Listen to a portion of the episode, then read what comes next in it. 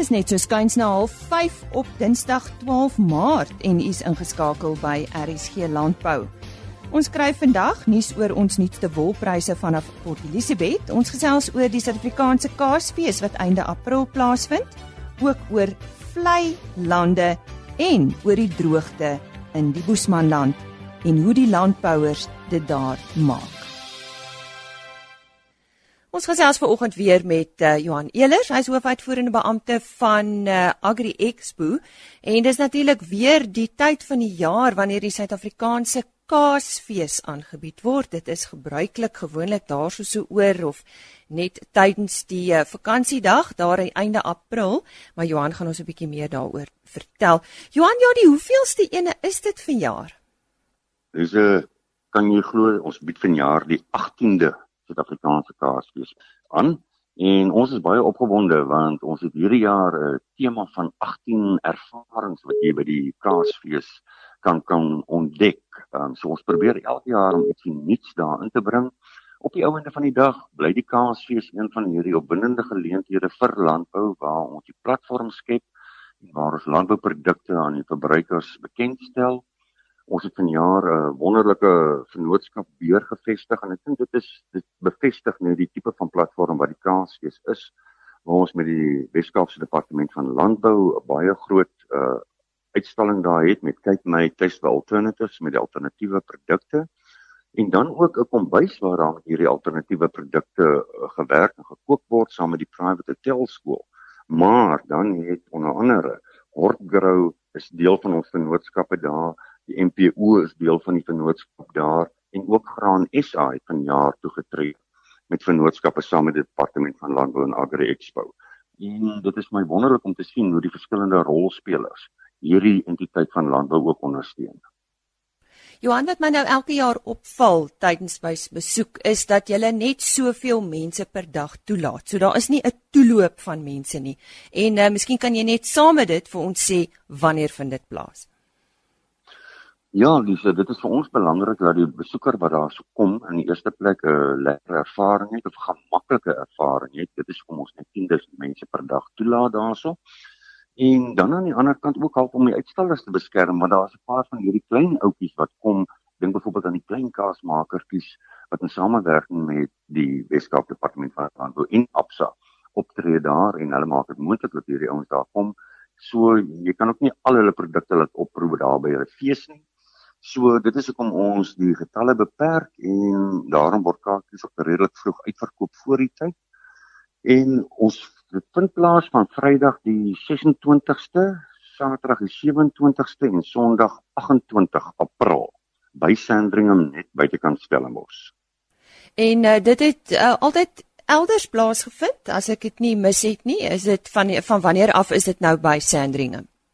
Wie dis ons 10de jaar dat ons nou op Sandringham is. Ons is voorheen in uh net by die kant Franshoek of die Parel gewees daar by Bindon proefplaas en toe het ons uh besluit ons skuif dit na ons eie plaas toe, Agri Expo se plaas Sandringham en dis die 10de jaar dat ons hom daar weer plaas vind.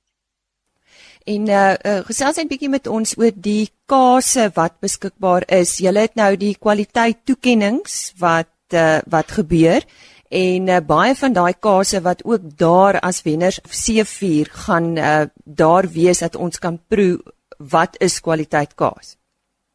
Ja, beslis. Ons probeer om soveel as moontlik van ons vervaardigde se kase daarso bymekaar te hê.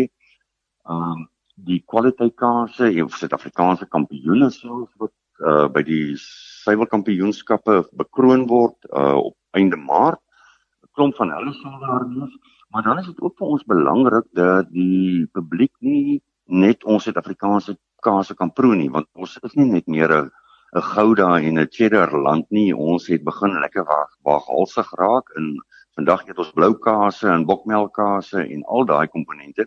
So ons bring internasionale kaase ook in en hierdie jaar fokus ons spesifiek op die Italiaanse kaase wat inkom en dat die verbruiker ook die sy eie waarneming kan maak oor hoe goed is ons Suid-Afrikaanse kaas want ons wen hierdie goue medaljes op internasionale kaaskoue en dan is dit maar ook iets wat wat dit wen. Um, ek dink byvoorbeeld aan Belnoris en Dalewood. Um, So dis vir ons belangrik dat die verbruiker ook kan besef maar luister ons is werklik wêreldstandaard wat ons kaas aanbetref. Maar daar's nie net kaas om te proe nie. As ek nou dink aan een van julle uh sale waar daar 'n uh, wonderlike, dis granate en vye en Ja, dit is dis deel van die lekkerte wat ons aanbring dat dit nie net kaas is nie, maar al hierdie verwante produkte en verwante produkte is eintlik gelyk aan wat ons noem in die land waar die alternatiewe gewasse soos wat jy reg gesê het, die vye, die granate, die neute, die heuning ensovoorts. So ons maak 'n punt daarvan om veral vir hierdie klein opkomende boere ook die geleentheid te gee. En in samewerking met die departement van landbou bring ons hulle in en gee ons hulle daai uitslagruimte en die platform want daar is 'n heelwat van die uh supermarkte wat byvoorbeeld kom om nuwe produkte te kom ontdek wat op hulle winkelrakke kom en ons het baie suksesstories van hierdie winkelgroepe wat van hierdie klein boere se produkte ingekoop het en vandag is die klein boer nie meer 'n werklike klein boer nie, hy het ontwikkel en uh lewer baie groot. So ons probeer daai proses ook aan die gang hou. So saam met die alternatiewe gewasse en of die verwante produkte en die kase, hoe sou jy dit geniet? Saam met 'n lekker glasie wyn. So ons bring van die Kaapse wynlande, bring ons 'n bietjie wyn in, laat die mense ook daar kan kom dit kan kom geniet, maar dit is op die ou einde van die dag 'n dag uit waar ons wil hê hulle moet landbou ervaar. Ons het die diere daar, die suiwelrasse en van die bokke en die skape. So dit is net 'n heerlike bymekaar kom van landbou en landbouprodukte. Nou ja, ons herhaal net weer die datums. Dit is van 26 tot 28 April by Sandringham, net so buite Stellenbosch. En Johan, waar kan ons kaartjies kry of 'n meer inligting? Diese kaartjies is beskikbaar by Computicket, net by Computicket, daar's geen kaartjies by die hekke nie. En so by Shoprite Checkers winkels kan hulle gaan of internet Computicket en meer inligting by www.cheesefestival.co.za of dan via die Agri Expo webblad www.agriexpo.co.za kan hulle ook daar uitkom. Nou ja, sien uit om dit te sien. Dit is dan die Suid-Afrikaanse Kaasfees wat vanjaar vanaf 26 tot 28 April plaasvind en ons sal weer op RC Landbou hieroor gesels. Dit was die hoofuitvoerende beampte van Agri Expo, Johan Elers. Dis nou tyd vir ons wolmark verslag aangebied deur Jolandi Root. Die wolmark verhandel hoër en die Cape Wools Merino aanwyser styg met 1,9% en 418 punte om te sluit teen 'n waarde van R221.78 per kilogram verskoon wol. Die Australiese EMA het met 0,3% toegeneem. Die Cape Wools alle wol aanwyser verhoog met 1,9%. Vandag se aanbod het, het bestaan uit goeie, fyn lang merino wol met goeie mededinging. Die aanwyser was op 1,9% op terwyl goeie langwol sowat 4% in randterme en 1% in die FSA dollar terme op was. Die korter wolle was aansienlik laer as gevolg van swak mededinging vanuit China wat bygedra het tot die algehele stygings van 1,9% in die markaanwyser. Volhoubare wol het aandag getrek vanuit kopersgeleedere met 'n pryspremie wat selfs bo die gemiddelde 4% was. Die rand was R14.20 teenoor die Amerikaanse dollar en R16.05 teenoor die euro. Die rand was 2,6% swakker teen die Amerikaanse dollar en 1,8% af teenoor die euro vergelyke met die vorige veiling. Altesaam 90,7% van die 10476 bale wat op die veiling aangebied is, is verkoop. Die grootste kopers op die veiling was Modiano SA met 3592 bale, Standard Wool SA met 2132 bale, Tianyu SA met 1635 bale en Lempriere SA met 930 bale. Die gemiddelde skoonwolpryse vir die seleksie binne die verskillende mikronkategorieë goeie langkamwol tipes was soos volg: 18,0 mikron styg met 1,5% en sluit teen R245,13 per kilogram. 18,5 mikron neem toe met 1,2% en sluit teen R243,28 per kilogram. 19 mikron verhoog met 1,3% en sluit teen R240.60 per kilogram. 19,5 mikron versterk met 1,2% en sluit teen R236.26 per kilogram. 20 mikron is 1,9% op en sluit op R233.69 per kilogram. 20,5 mikron is 2,2% sterker en sluit op R227.38 per kilogram. 21,0 mikron styg met 0,9% en sluit op R223 per kilogram. 21,5 mikron het 1,8% toegeneem en sluit op R215.99 per kilogram. 22 mikron styg met 0,1% en sluit op R219.02 per kilogram. En 22,5 mikron is 2,4% swakker en sluit op R214.71 per kilogram. Die volgende veiling vind plaas op 13 Maart wanneer plus minus 6243 bale aangebied sal word. Jolande Rood met ons nuutste wolpryse van 'n veilinge in Port Elizabeth. Ons sluit nou aan by Henny Maas.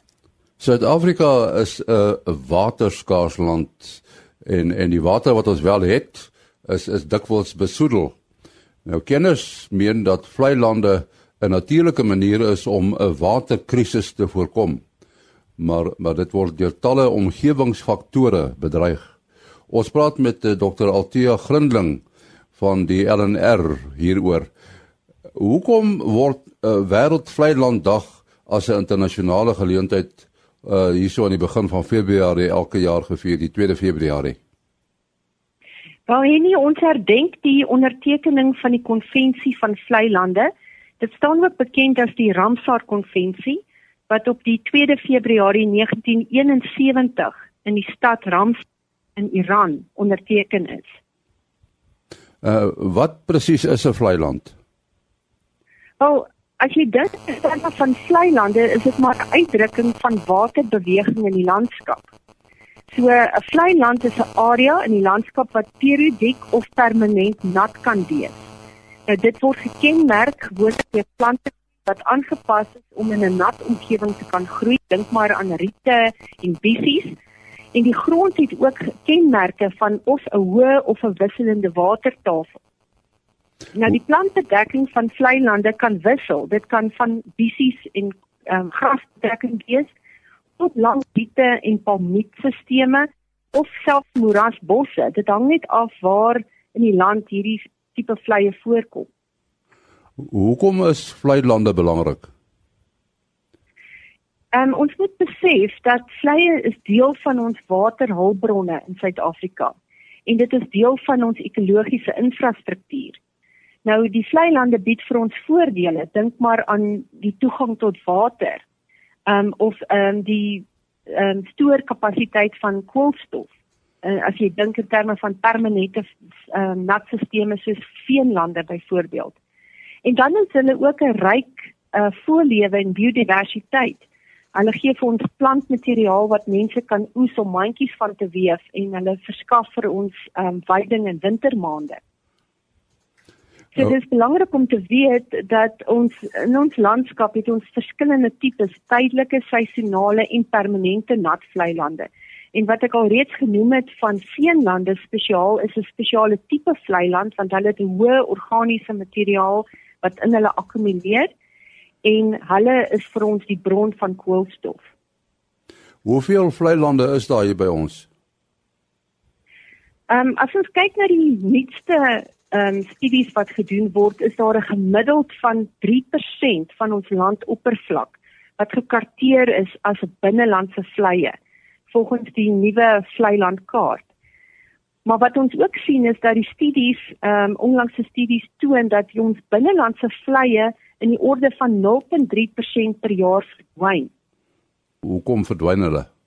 Jy sien, ehm um, in dele van ons land ervaar ons mos nou droogte. Dit op sigself het 'n uh, 'n uh, effek op ons kwaliteit en kwantiteit van water, maar droogte is 'n natuurlike proses.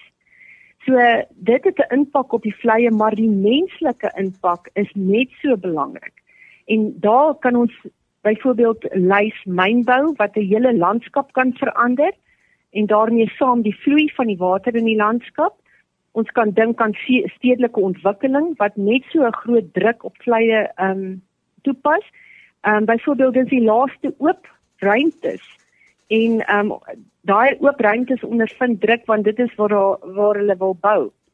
Ehm um, asook die afloop in stede is baie groter in terme van die volumes water wat daai vlei lande moet kan hanteer na 'n stortby byvoorbeeld. En as jy dink aan infrastruktuur, byvoorbeeld ehm um, as dit nie goed beplan is nie soos 'n pad of 'n treinspoor wat deur 'n vlei gebou is en daar's nie genoeg deurlating van water nie, dan kan dit of die vlei uitdroog of dit kan opdam op aan die een kant. Dan dink ons ook aan onwettige damme wat in vleie gebou word. Dit verander heeltemal die vloeipatroon en die sedimentdinamika. En dan het ons ook die indringinge en uitheemse plante. Nou hierdie plante kan ook 'n groot impak hê op ehm um, die die ehm um, vlei lande kom ons dink byvoorbeeld ehm um, van die plantasies in KwaZulu-Natal in Noord-Oos KwaZulu-Natal waar dit 'n invloed het op die grondwatertafel en ons sien veenlande daar wat uitdroog en ondergronds brand. Nou hierdie brand van veenlande, dit smeul en dit brand en dit hou 'n gevaar in vir mense en diere. Ons het nou onlangs ook weer 'n geval gekry van 'n palmietstelsel naby Ondresrivier wat ehm um, ook veenvuur het. Kan die landbou 'n rol speel om hierdie bedreigings uh, aan te spreek? Nee nee, ek dink beslis so. Ehm um, eerstens wees bewus of daar 'n vlei op jou plaas is. En dan moet jy seker maak die hidrologie van daai vlei ehm um, moenie versteur word nie of dit moet herstel word in terme van sê nou daar's erosie. Dan kan jy um die vlei rehabiliteer deur daai erosie te stop of byvoorbeeld daai indringerplante te verwyder. So jy moet nie doelbewus praktyke toepas wat die hidrologie kan verander nie. Byvoorbeeld dreinering of ploeg in 'n vlei of um deur beeste te vertrap word in die somermaande nie. So um as jy ook in terme van jou plaas jou infrastruktuur moet beplan, moet jy seker maak dat jy genoeg ruimte gee vir water om onder deur jou paaie te kan vloei en nie um erosie kan veroorsaak nie. Nou ons praat oor die landbou. Wat wat van gewone burgers? Hoe kan 'n mens uh, hulle aanspoor om vlei lande te bewaar? En ek dink dit is belangrik om bewus te wees van die nasionale wetgewing wat vlei landbewaring voorstaan. Byvoorbeeld aktiwiteite in en om 'n vlei land word beperk in gevolge die wet op bewaring van landbouhulpbronne, die wet 'n uh, eh, nasionale waterwet en ook die nasionale omgewingsbestuurswet. Nou vertel ons meer van van die LNR se vlei land program. Dis nou wat opvoeding en bewusmaking betref. Wel vlei land navorsing is 'n fokusarea wat deur die LNR geïdentifiseer is en dit vorm deel van ons strategiese natuurlike hulpbron bestuursprogram. Nou jaarliks rondom Wêreld Vleiland Dag het ons hierdie bewusmakingsprogramme en dit sluit in 'n Vleiland Oop Dag wat ons saam met rolspelers hande vat en by die Kolben Vleiland in Pretoria het ons op die 2de Februarie 'n geleentheid gehad waar kinders omtrent so 250 kinders het gekom van tussen die ouderdom van 7 tot 13 en ons het hierdie kinders bewus gemaak van vleilande byvoorbeeld deur interaktiewe aktiwiteite. Hulle het ehm um, deelgeneem in 'n voelring demonstrasie sodat hulle verskillende voelspesies kon identifiseer. Hulle het deur die vleiland gestap waar hulle verskillende plante kon leer ken en ook die verskille in die grond kon ehm um, sien en ervaar. En toe kon hulle ook ehm um, akwatiese lewe wat in die water voorkom geïdentifiseer het. Dit was 'n um, jaarlikse vleiland seminar So die seminar was gehou op die 1 Februarie en ons gebruik ehm um, die seminare as 'n platform om vir die publiek en ook alle ander rolspelers te verduidelik en te sê wat se tipe navorsingsprojekte ons tans mee besig is. So watter projekte is julle mee besig op die oomblik?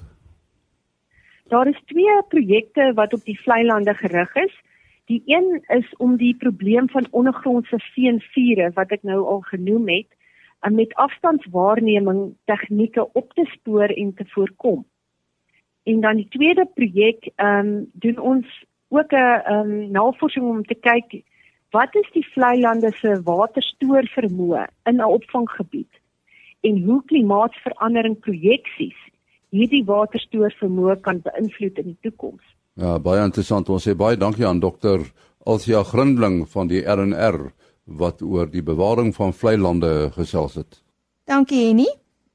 Die mense uit die Boesmanland is bekend vir hulle geduld en aanvaarding. Die droogte is vir die soveelste jaar weer 'n realiteit vir die boere uit hierdie streek, maar hulle is steeds nederig en gelowig met 'n besondere liefde vir hulle grond en hulle diere. Koosto Pisani het met Andrei Nel en sy vrou Marinda gesels oor hulle manier om die droogte te hanteer en het probeer uitvind wat dit is wat hulle jaar na jaar staande hou te midde van die droogtekrisis. In die Boesmanland het boere vanjaar weer baie min reën gekry. Maar een van die eienskappe van die boere in hierdie gebied is dat hulle nie sommer moed opgee nie. Andre en Nel van die plaas Makkies plaas in die Kenner distrik is so 'n persoon. En ek het by hom gaan uitvind hoe hulle in die Boesmanland die droogte hanteer. Andre, wanneer laas het jou plaas 'n ordentlike reënjaar gehad? Ja, jy sien, dit was seker uh toe ons is in 2011 getroud. En uh toe toe ons toe ons goeie reën gehad, 'n goeie veld en daarna het dit het gestop en uh het nie laas jaar so 'n bietjie voor die winter maar dis dis dis dis wanneer ons laas 'n ordentlike reënjaar gehad het wat veld gegee het en tot vir ons sprinkane ook gegee het. Hoe gaan julle te werk um, om sulke droogtes teen te staan? Moenie met te veel diere boer nie, dit het ons al geleer. Ons voorvaders het die afwering maar ge uh, kwaai gestok met minder diere in in uh Wel, ons ons sê al in die Boesmanland, ons het net 'n plan A, ons het nie plan B of of so nie. Nou watter diere rasse gebruik julle uh, wat die droogtes kan teenstaan? En wie beste ag be, beste beproefde ras is maar dorper ons gat uh Meatmaster in van rooi persies en ons probeer alles. Maar jou beste ras uh, wat aangepas is in die Boesmanland is mos maar is maar jou dorper so ja, beste bouvorm, jy kry die meeste vleis. So ja, dis wat die beste is, wat die dorper. En uh hoe beplan jy jou boerderybedrywighede as jy dan nou weet elke jaar is eintlik maar 'n droogte jaar? Dis ja, as ek sê daar is mos nou nie eintlik 'n plan B nie, is maar net 'n plan A, so jy moet maar kyk na jou afering en um oppas. Ek werk nou die hardste wat ek nog ooit gewerk het soos en gee my diere Vitamiin A, probeer hulle gesond hou en 'n uh, ramme reg reg te ramme wat wat jy weet wat vrugbaar is. En uh ja, jy het eintlik min wat jy wat jy regtig kan doen want ek meen ons is so afhanklik van veld. Veld alles draai maar om voeding. Ek meen so jy kan baie goedjies probeer, maar gee my jou skaap kos en hulle sal weer vir jou kos gee. Ja, en dit is ook nie altyd net die boer wat aan die korse intrek nie. Die boer se vrou het ook 'n groot bydrae wat sy moet lewer op 'n plaas waar daar so droogte is. Nou ek gesels met Andre se vrou Marinda. Marinda, 'n man werk heeldag met die diere en hy's besig. Maar jy as die eggenote, hoe staan jy jou man by in so 'n krisis?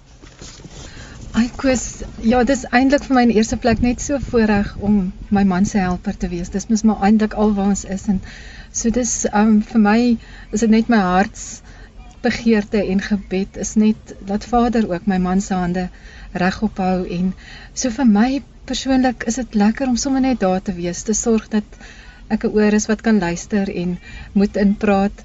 Um ek ek is 'n redelike positiewe mens, so dis vir my lekker om um om dit sommer altyd te met ander te kan deel.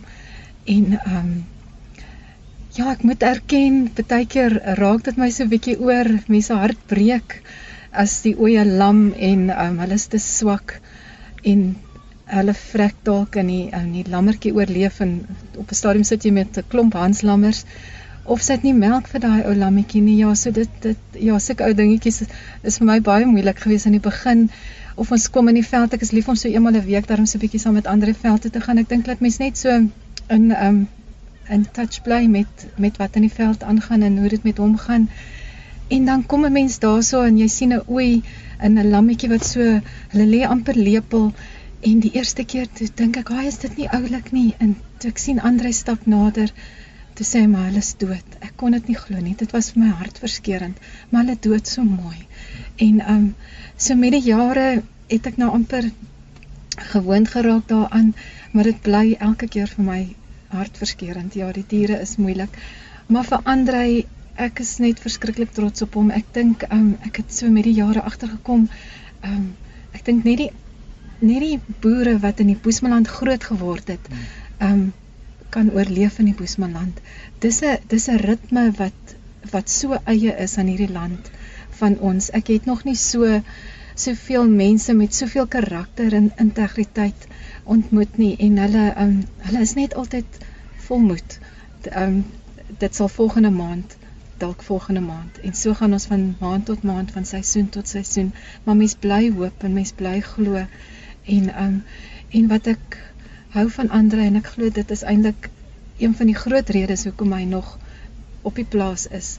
Um is hy's nie spandaalderig nie. Hy hy doen wat hy kan met wat hy het en ek glo Vader eer hom daarvoor dat hy nie ehm um, dat hy nie oorboord gaan nie en ja wat ons bly maar op ons knieë en en ons bly hoop en ons bly glo. Dit is Andre Nel en sy vrou Marinda wat so positief is en so uitsien na die toekoms ten spyte van die omstandighede waaraan hulle moet uh vaskyk elke dag. Dis Koos de Pisani vir RC Landbou op Kakamas. Sluit gerus môreoggend weer by ons aan, dan praat hy oor tafeldrywe in die Oranje rivier. Tot môreoggend dan. Totsiens. RSG Landbou is 'n produksie van Plaas Media. Produksieregisseur Henny Maas. Aanbieding Lisa Roberts. En inhoudskoördineerder Jolandi Root.